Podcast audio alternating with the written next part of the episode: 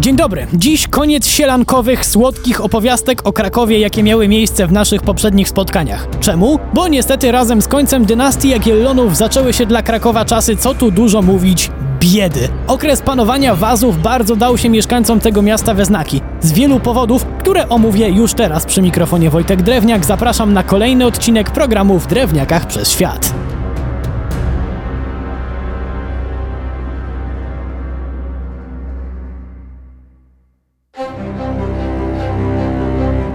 Omawianie całej polityki wazów nie ma tutaj głębszego sensu. Pozwolę sobie jednak w skrócie ująć to tak. W bardzo wielu kwestiach władcy ci dbali o swoje interesy, a na dalszy plan schodziło ogólne dobro państwa, jakie przejęli, a co dopiero jakieś konkretne miasta. Najmocniej odczuł to chyba właśnie Kraków, który przez spowalniającą gospodarkę zaczął się rozwarstwiać na niewielką grupę bogatych i coraz większą grupę biednych. W takich sytuacjach dochodziło do coraz częstszych przepychanek, które kiedyś były nie do pomyślenia. Nie zwalajmy jednak winy tylko na wazów, bo mieli też i spoko momenty. Coraz bardziej pazerna robiła się chociażby szlachta, a gwoździem do trumny było przeniesienie stolicy do Warszawy w 1611 roku. Od tej pory dla elit Kraków był ważny w sumie tylko jak trzeba było kogoś koronować albo pochować. Słabo, co? No nie najlepiej, ale najgorsze miało dopiero nadejść. Najpierw pojawił się niewidzialny nieprzyjaciel. Epidemia czarnej ospy, która zabiła mnóstwo osób, a później pojawił się wróg zdecydowanie widoczny gołym okiem i jeszcze bardziej niebezpieczny.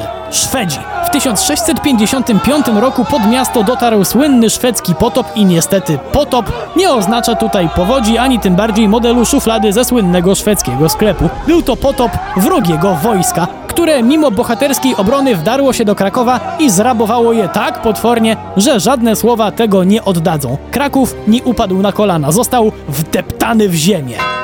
Miasto, które jeszcze kilka dekad wcześniej było jednym z najważniejszych ośrodków handlowych w tej części Europy, teraz ledwo zipało. Kamienice w niczym już nie przypominały dawnych rezydencji, jeśli w ogóle stały jeszcze w dawnej formie. Podupadł Uniwersytet Jagielloński. Życie kulturalne prawie nie istniało, a żeby nie było za wesoło, to jeszcze co jakiś czas wybuchały kolejne pożary i epidemie.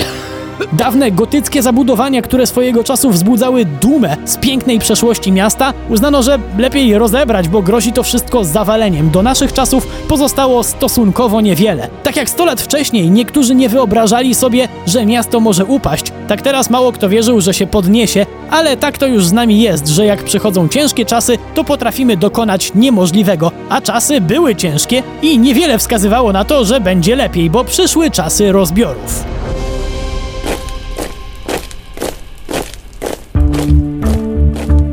Pierwszym rozbiorze w Krakowie pojawili się Austriacy. Czy nasi przyjęli to z radością? Pewnie, że nie. Może to był właśnie bolesny, ale konieczny bodziec do zmian. Tym bardziej, że działał wtedy bardzo fajny gość, Hugo Kołłątaj, którego większość kojarzy z Konstytucji 3 maja i dobrze, ale warto też wiedzieć, że był współautorem reformy, która tchnęła nowe życie w Akademię Krakowską. Może to brzmi jakoś nieszczególnie pasjonująco, ale proszę mi wierzyć, że zmieniło wiele. Życie naukowe reanimowało kulturę, a także życie społeczne. Powstał Teatr Polski. Jednak nie samą kulturą człowiek żyje, zwłaszcza jak ma problemy ze zdrowiem. Na szczęście tutaj też pojawiły się zmiany. Powstał pierwszy w Polsce szpital kliniczny. Czasy jednak nadal były burzliwe, na co najlepszym dowodem był rok 1794.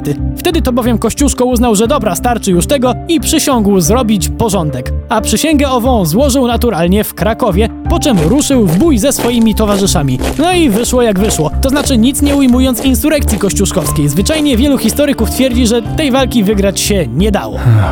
Wiele osób prowadząc historyczne wywody po klęsce powstania kościuszkowskiego od razu przeskakuje do trzeciego rozbioru. Tymczasem w międzyczasie stało się coś bardzo ważnego. Do Krakowa wpadli Prusacy i ukradli najważniejszy skarb nie tylko w mieście, ale i w kraju. Nie, nie dzwon Zygmunt, a insygnia koronacyjne. Symbolicznie była to straszna potwarz, ale i w praktyce przyszedł czas potwornej kompromitacji i to już w roku następnym. Kiedy w 1795 roku doszło do trzeciego rozbioru Polski. Najpierw omawiane dziś przez nas tereny trafiły pod panowanie austriackie. Później na krótko była to część księstwa warszawskiego, co pewnie wielu krakusom do dziś nie może przejść przez gardło, aż wreszcie przyszedł rok 1815 i stało się coś dziwnego, bo o wolnym mieście Gdańsku to słyszał każdy, ale wolne miasto Kraków? Co to było i w jak dramatycznych okolicznościach zakończyło swoje istnienie? O tym opowiem z radością już w kolejnym naszym spotkaniu. Przy mikrofonie był Wojtek Drewniak. Do usłyszenia.